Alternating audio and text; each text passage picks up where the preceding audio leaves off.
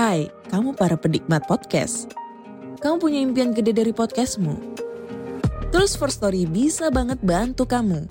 Mulai dari F-Link, Dynamic Audio Insertion, sampai statistik yang komprehensif. Semua ada di First Story. Gak ketinggalan kamu bisa monetisasi podcastmu lewat iklan dari First Story Ads yang bisa kasih kamu penghasilan dari setiap place podcastmu.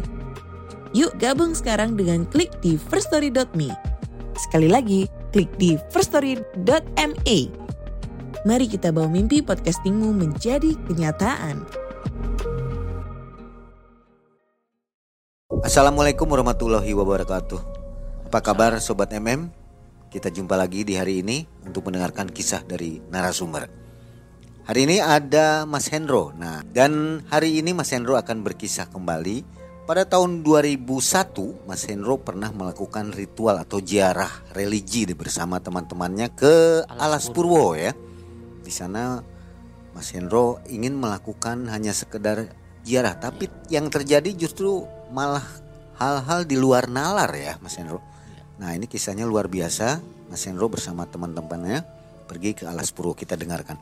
Dan sebelum mulai seperti biasa kita ngobrol sedikit dengan Mas Hendro. Apa kabar Mas Hendro? Alhamdulillah baik.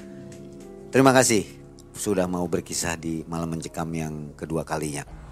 Mas Hendro itu kenapa kok Mas Hendro mau-maunya pergi ke Alas Purwo itu? Kenapa alasannya? Ya karena saya pengen ziarah aja. Sebatas ziarah, Sebatas ziarah. nggak ada maksud lain Oh, terselubung. Nggak ada, nggak ada, nggak ada makhluk lain. Oke, baik. Kegiatan apa Mas Hendro sekarang nih? Sekarang saya pekerja seni. Pekerja seni ya. Oke, Mas Hendro sudah siap nih untuk menceritakan kisahnya? Ya siap. Sobat MM, inilah kisah dari Mas Hendro. Silakan.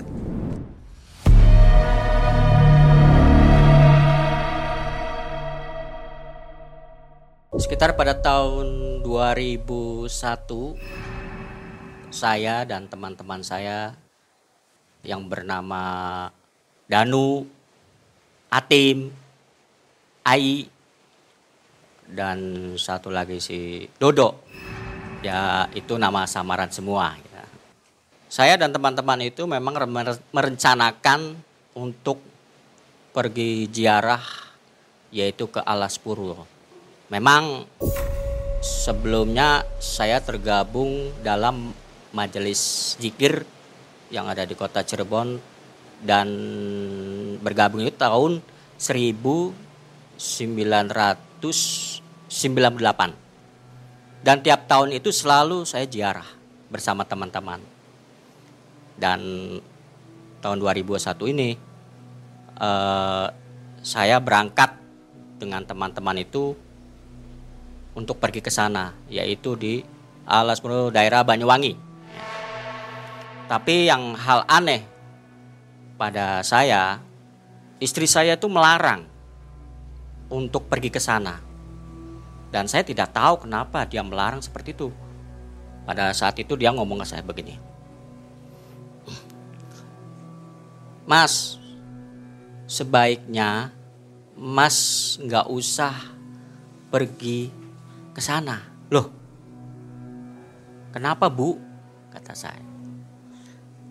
Kok hati saya kok nggak enak ya mas? Nggak enak kenapa? Pokoknya nggak enak. Mas bisa nggak acara ziarah ditunda ataupun tidak jadi? Waduh, gimana bu ya? Ini sudah komitmen dari teman-teman saya semua bahwa akan berangkat lusa. Pokoknya saya tidak mau Mas pergi ke sana. Setelah itu dia langsung pergi ke dapur lah. Memang sih yang saya dengar rumor ataupun dari orang-orang, hutan Alas Purwo itu memang angker dan seram. Tapi kalau saya tidak jadi ke sana, nggak enak dengan teman-teman saya. Biasanya orang ke Alas Purwo itu tujuannya apa selain ziarah? Ya kebanyakan sih ziarah ya. Cuman ya saya juga yang kata orang ya pokoknya di situ ada tempat makam yang banyak orang ke situ. Gitu. Makanya saya jadi dan teman-teman jadi penasaran mau ke sana gitu. Ya memang sih ke sana itu memang tujuan untuk ziarah aja. Udah itu aja. Ada orang lain maksud terselubung ingin melakukan pesugihan? Ada. Yang saya dengar seperti itu. Cuman kan saya tidak melihat dengan mata kepala sendiri. Ya seperti itulah gitu. Nah, akhirnya secara diam-diam tanpa izin dengan istri, saya pun berangkat. Berangkat bersama teman-teman. Nah, pada saat berangkat itu kita itu naik mobil carry.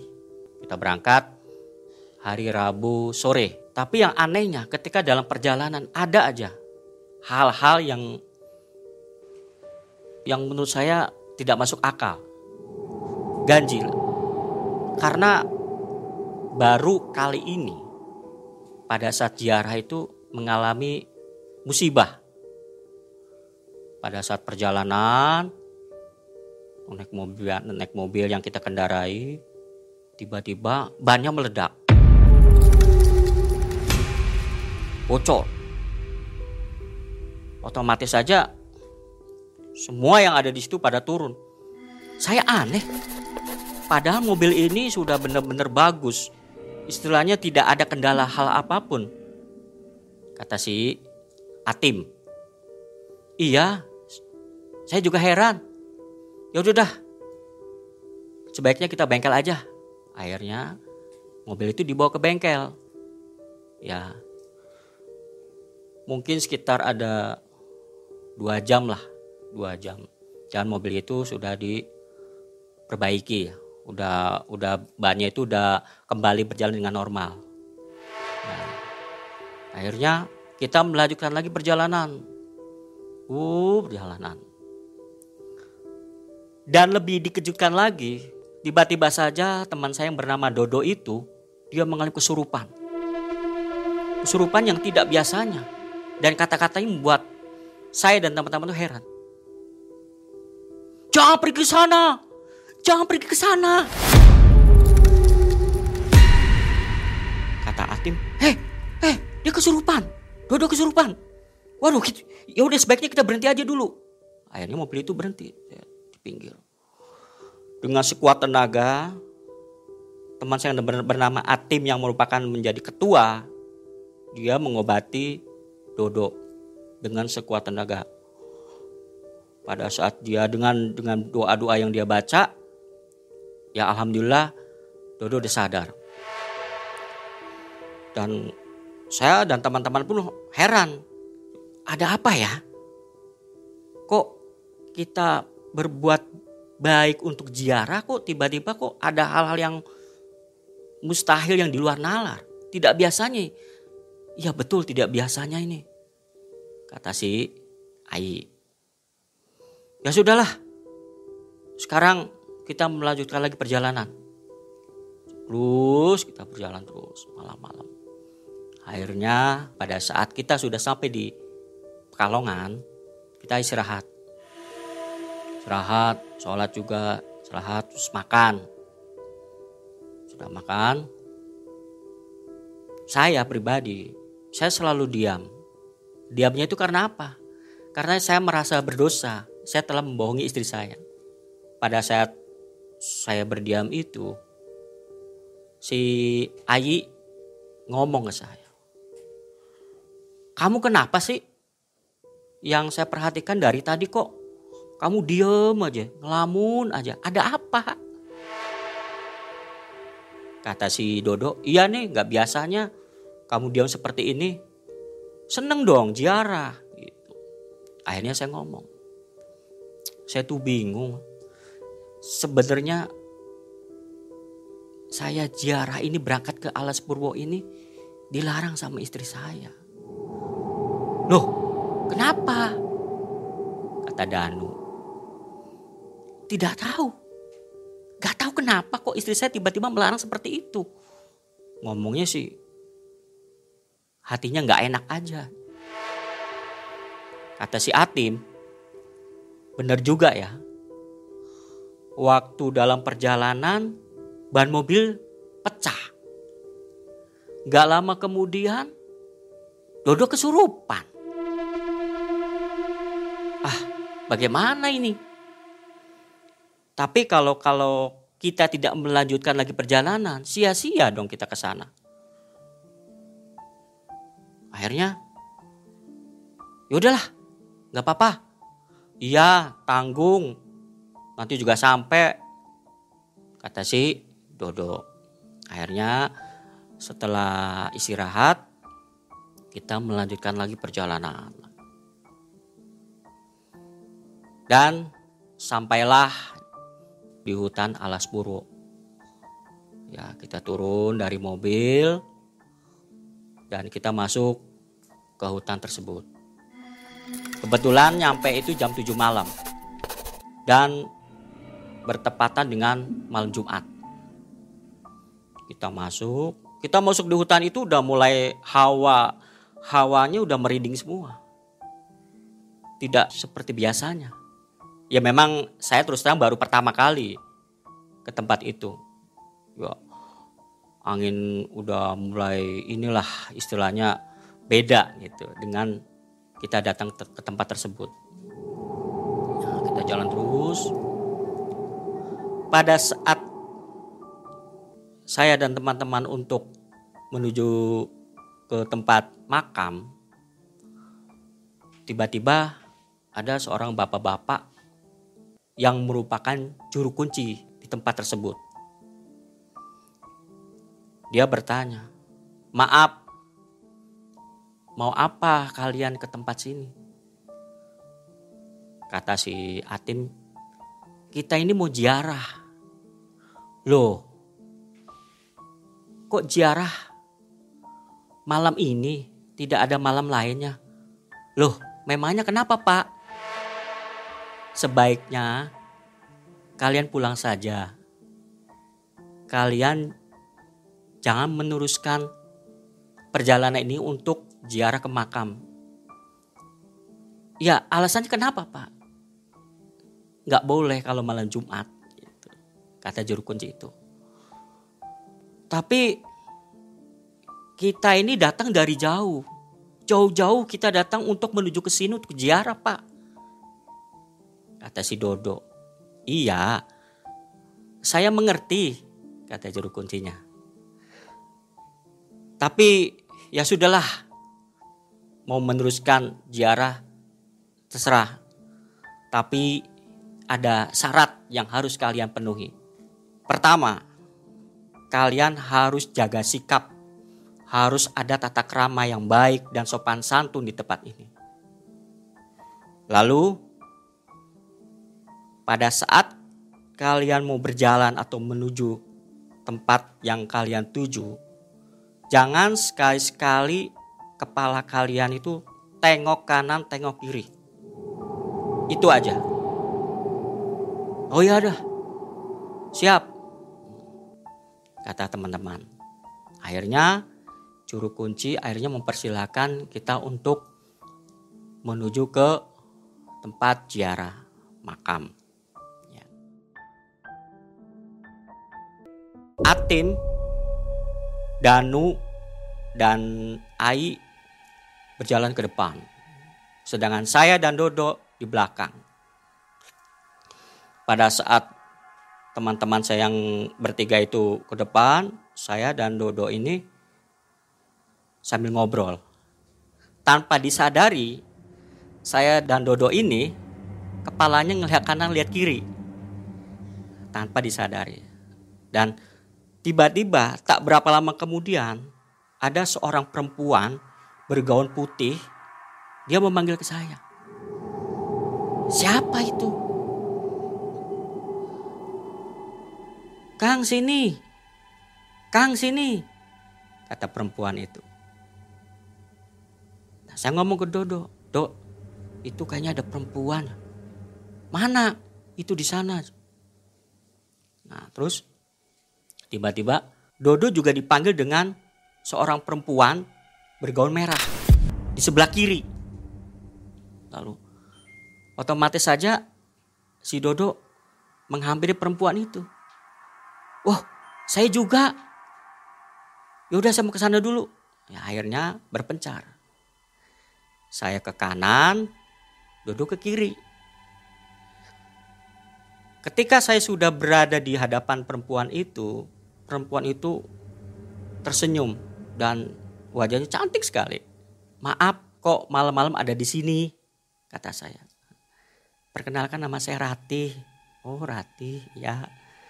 Akhirnya saya diajaklah sama perempuan yang bernama Rati itu. Eh, pada saat saya ketemu itu, itu masih dalam sebuah hutan. Masih dalam sebuah hutan. Tapi ketika saya diajak, tahu tuh sudah berubah menjadi sebuah pasar, seperti pasar malam. Ada kayak apa? Korsel, ada orang jualan, ada orang yang main seperti main hiburan-hiburan seperti itu. Belum sadar kalau itu makhluk gaib. Belum sadar, seperti terhipnotis ya saya menuruti dengan ajakan itu. Ya saya pribadi saya seneng di, di, diajak sama perempuan cantik jalan-jalan. Ya. Suasananya memang seperti ya seperti seperti manusia, ramai-ramai sekali. Akhirnya dalam dalam obrolan itu, dalam jalan-jalan itu, akhirnya perempuan yang bernama Rati itu bicara kepada saya. Kang mau nggak ke rumah saya aja? Saya perkenalkan dengan orang tua saya. Memang rumah kamu di mana? Di sana. Ya sudah yuk. Saya mengikuti Ratih. Ya. Akhirnya ketemulah dengan orang tua Ratih. Orang tua Ratih senang melihat kedatangan saya. Ya, begitu juga dengan si Ratih. Entah kenapa tiba-tiba saja orang tua Ratih itu menyuruh saya menikahi anaknya. Saya kaget. Loh, Pak, saya sudah punya istri aja. Udah nggak apa-apa, sama anak saya aja. Maaf Pak, saya menolak. Saya tidak bisa. Dan tiba-tiba saja ketika saya menolak itu, tahu-tahu sudah berubah gelap-gelap sekali. Saya berada di hutan lagi dan di atas batu. Nah, tidak berapa lama kemudian, tiba-tiba datanglah teman-teman saya yang bernama Danu, Atim, dan Ai mendekati saya. Dia kaget. Kenapa kok saya tidur di atas batu. Begitu. Si Atim membangunkan saya. Eh, kenapa kamu tidur di sini? Saya pun bangun. Saya seperti orang linglung. Kok kenapa memang saya tidur di sini ya? Akhirnya, oh iya, saya baru ingat saya tadi tuh diajak jalan-jalan sama perempuan bergaun putih. Dan pokoknya saya senang sekali. Dan saya diajak ke rumahnya untuk menemui orang tuanya. Orang tuanya itu malah menyuruh saya untuk menikahi perempuan itu. Ketika saya menolak itu, tiba-tiba suasana menjadi gelap. Teman-teman saya sampai heran. Oh gitu ya? Iya. Ya sudah. Sekarang ceritanya nanti aja kalau kita pulang. Sekarang bagaimana caranya kita mencari si Dodo? Di mana Dodo berada? Akhirnya kita mencari Dodo tuh. Wah, di sekeliling cari, cari, cari. Dan si Danu tiba-tiba melihat si Dodo sudah tidur di di hutan tuh tuh di, di bawah di bawah hutan yang pohonnya besar besar Eh, itu Dodo itu. Mana? Itu Dodo tidur. Oh ya, kita ke sana. Akhirnya kita ke sana tuh membangunkan Dodo. Dok, bangun. Bangun, Dok. Dodo bangun. Loh, saya ada di mana ini? Mana istri saya? Istri siapa? Istri saya. Saya udah menikah. Loh, menikah dengan siapa? Pokoknya saya punya istri. Kamu jangan gila. Kata Atim, ayo sekarang kita pulang aja. Ya tapi mana istri saya? Saya tidak, saya tidak mau pulang. Loh, kamu ini gimana sih? Tujuan kita ini ziarah. Kenapa kamu tiba-tiba seperti ini? Ayo, ayo pulang, pulang, pulang, pulang. Ya dengan keadaan terpaksa itu Dodo itu kita tarik supaya pulang. Walaupun dalam keadaan dia seperti orang linglung. Plonga, plongo, plonga, plongo. Ya otomatis dalam keadaan seperti dalam perjalanan pulang itu dia seperti dia selalu memanggil mana istriku, mana istriku, mana istriku gitu. Tolong kembalikan saya ke sana lagi kata Dodot. Udah, udah, udah, udah. Jangan ngawur kamu. Waduh, ini udah nggak beres ini. Akhirnya kita pun pulang. Kalau si Dodo ini belum punya istri di dunia nyata. Belum. Belum. belum belum punya alhamdulillah ya udah sampai kita udah pulang udah sampai ya nah pada saat selang beberapa hari kemudian Dodo dikabarkan meninggal dunia Dodo meninggal wajar atau karena ada pengaruh dari alas purwo? kalau tahu saya ya dari sana gitu. Setelah dia menikah dengan perempuan yang bergaun merah itu. Ya itu. Jadi saya dan teman-teman juga heran ya sem semua sama seperti itu. Ya meninggalnya dengan kalau menurut saya sih kok berselang tiga hari tiba-tiba meninggal gitu. Ya ya otomatis saja. Ya seperti yang saya katakan tadi dari hutan alas purwo. Karena dia mungkin tergoda dengan perempuan gaun merah gitu. Akhirnya Dodo pun dibawa ke tempat pemakaman. Ya saya Atim Danu Ai merasa sedih dengan kepergian Dodo ya tidak menyangka aja ya mungkin ini sudah jalannya dia seperti itu ya kita terima dengan lapang dada dan ikhlas tapi ada hal aneh lagi dan ganjil pada saat menguburkan si Dodo. Kenapa tiba-tiba saja di depan di bawah pohon itu perempuan gaun merah ada di situ. Saya kaget kenapa yang ditampakkan saya. Sedangkan kata teman-teman yang lain dia tidak ditampakkan. Kenapa yang ditampakkan kok saya yang bergaun merah itu? Saya tuh saya tuh sudah mulai ketakutan. Saya ngomong kepada si siapa Atim Tim, kok di situ ada perempuan gaun merah? Ah, mana? Itu di bawah pohon, dia berdiri aja. Sepertinya matanya tajam melihat saya itu. Wah, ngawur kamu. Udah, udah, udah. Udah fokus aja fokus. Antara takut dan dalam keadaan berduka ya, eh, rasa takut itu saya lawan. Akhirnya ya sudah. Setelah Dodo dimakamkan itu, saya kembali pulang ke rumah. Lama wanita itu munculnya. 10 menit dia berdiri aja situ. Uh, lumayan lama ya. Lumayan. Karena mungkin begini, uh, targetnya itu tidak sampai, akhirnya menuju ke saya gitu. Jadi si perempuan gaun merah itu menteror saya gitu. Nah, akhirnya pada saat saya selesai dari kuburan itu dalam pemakaman itu, saya pulang ke rumah ya seperti membayangkan perempuan itu. Terus terbayang. Terbayang terus nih ada apa ini? Kok dia menteror saya terus gitu. Akhirnya pada suatu malam saya tidur. Tidur itu saya mimpi dengan kedatangan perempuan bergaun merah itu. Dalam mimpinya itu dia bilang, "Ayolah Mas, nikah sama saya." Kalau kamu nikah sama saya, semua apa yang kamu minta akan saya kasih termasuk harta, benda akan saya kasih. Akhirnya saya bangun. Kenapa saya mimpi seperti ini? Akhirnya tidur lagi.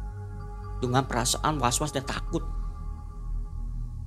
Keesokan harinya saya seperti biasa ya beraktivitasnya. Pada saat saya keluar berjalan itu perempuan itu ada di di hadapan saya. Itu malam atau siang? Waktu itu pagi, Pagi-pagi ya? pagi-pagi, ya, pagi-pagi.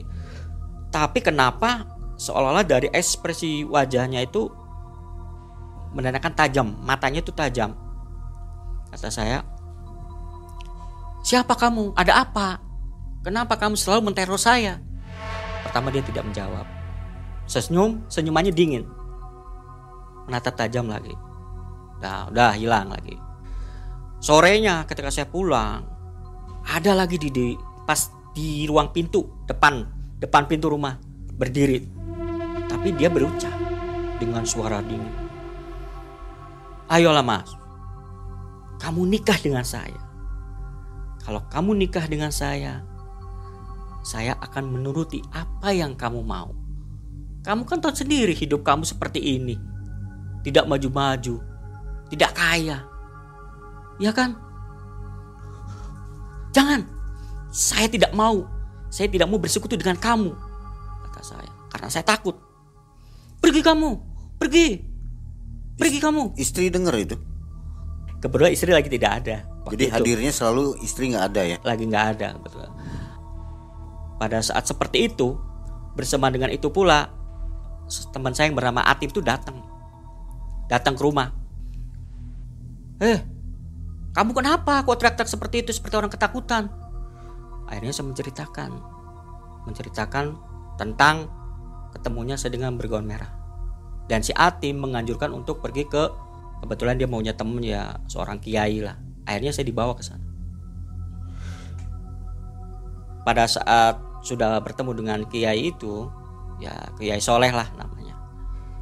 Kiai soleh itu akhirnya memanggil perempuan bergaun merah untuk berkomunikasi.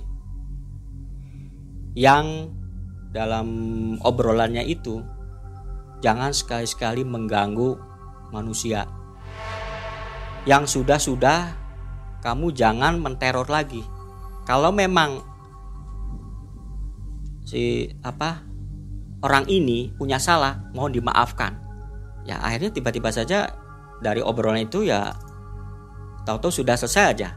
Jadi setelah setelah kiai itu sudah ngobrol terus apa menghilangkan dengan berbagai cara dengan perempuan itu ya saya sudah lega dan hari-hari berikutnya saya nggak diganggu-ganggu lagi. Saya pikir setelah saya udah diobatin atau udah udah udah hilang dalam teror itu ternyata ini malah dia menteror teman saya yang bernama Ayi. Pindah ya? pindah. Karena Ayi itu cerita kepada saya. Sampai dia itu naik motor ya naik motor itu dan itu tiba nongol aja nongol di depan tuh ada perempuan gaun merah itu. Sampai otomatis dia tuh kaget saking kagetnya itu dia jatuh tuh hampir ke lindes mobil tronton. Dan ya alhamdulillah untungnya untungnya dia selamat. Akhirnya dalam keadaan seperti itu otomatis Atim yang menjadi ketua itu akhirnya sama-sama untuk pergi ke tempat Kiai Soleh lagi untuk untuk supaya ini supaya si gaun merah ini jangan jangan menteror lagi. Hutan Alspurwo itu memang benar-benar benar- itu berat sekali. Jadi auranya itu memang besar sekali. Jadi ya otomatis seperti itu. Apa mungkin barangkali saja ketika juru kunci itu ngomong kita menyalahi aturan. Jadi ya seperti itu akibatnya. Ayi itu langsung dibawa lagi. Dan ini bukan Kiai Soleh aja yang ini dibantu dengan teman-temannya lain untuk mengobati Ai supaya si gaun merah ini nih supaya jangan datang lagi. Akhirnya dengan dengan rame-rame kita berzikir, zikir supaya supaya supaya tidak ter tergoda lagi diteror lagi sama makhluk itu.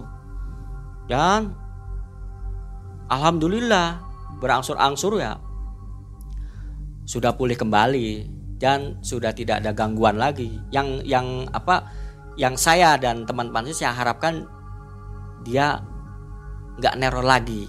Jadi bisa dikatakan keangkerannya itu luar biasa ya. Meski tidak ada kesalahan yang fatal, tapi berlanjut gangguannya Ya dari sangat luar biasa. tidak ada permintaan apa-apa di Alas Purwo ya. Tapi Iya. si gaun merah ini terus meneror, Terus ingin meneror. menikah. gitu Iya ya. meneror lagi terus aja meneror. Yang di situ makanya dengan kejadian-kejadian itu memang mungkin kita ataupun saya pribadi memang selalu menurut apa kata yang diomongin juru kunci itu bahwa baru selalu hati-hati. Ya ternyata pada saatnya itu ya kita apa melanggar dengan ucapan di juru kunci itu. Jadi ya akhirnya seperti itu. Apa aja tadi pelanggarannya? jadi pantangannya itu istilahnya nggak boleh istilahnya malam Jumat terus kepala kepala itu nggak boleh tengok kanan tengok kiri terus harus bisa jaga sikap sopan santun Kalau mereka yang niat ingin melakukan pesugihan, mungkin hal itu mereka sukai ya. bisa jadi Memang ya diharapkan betul. itu. iya seperti itu Apa mungkin teman-teman Mas Hendro atau Mas Hendro sendiri mempunyai suatu aura apa, energi apa sehingga si gaun merah ini tertarik? Apa mungkin seperti itu? Sebenarnya sih ya tugasnya itu memang dia untuk supaya mau supaya mau bekerja sama dengan si makhluk perempuan itu yang bergaun merah itu supaya ngikut supaya ikut apa kata dia gitu. Ya mungkin bisa jadi ya karena kita kuat iman ya akhirnya dia mungkin nggak bisa. Akhirnya kita eh, ditolong sama kiai soleh itu Apa mungkin si Dodo ini ikut ke alamnya mereka? Mungkin bisa jadi. Bisa jadi Soalnya kan dia udah nikah dengan perempuan itu. Tapi Kematian. karena tapi karena si Dodo udah meninggal, dia dia mencoba untuk menteror kita.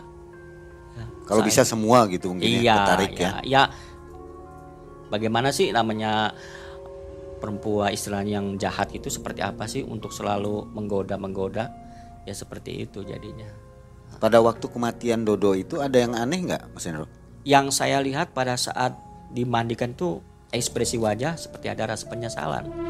Jadi dia merasa salah dengan apa yang dia kerjakan pada saat di dunia. Gitu. Seperti itu. Maksudnya salah bu- bukan berarti dia ziarah itu salah, tapi dia salah dia tergoda dengan Melakukan perjanjian perjanjian itu. menikah itu Nah, tadi ya. Jadi ekspresi wajahnya itu dia beda gitu. Oke. Iya.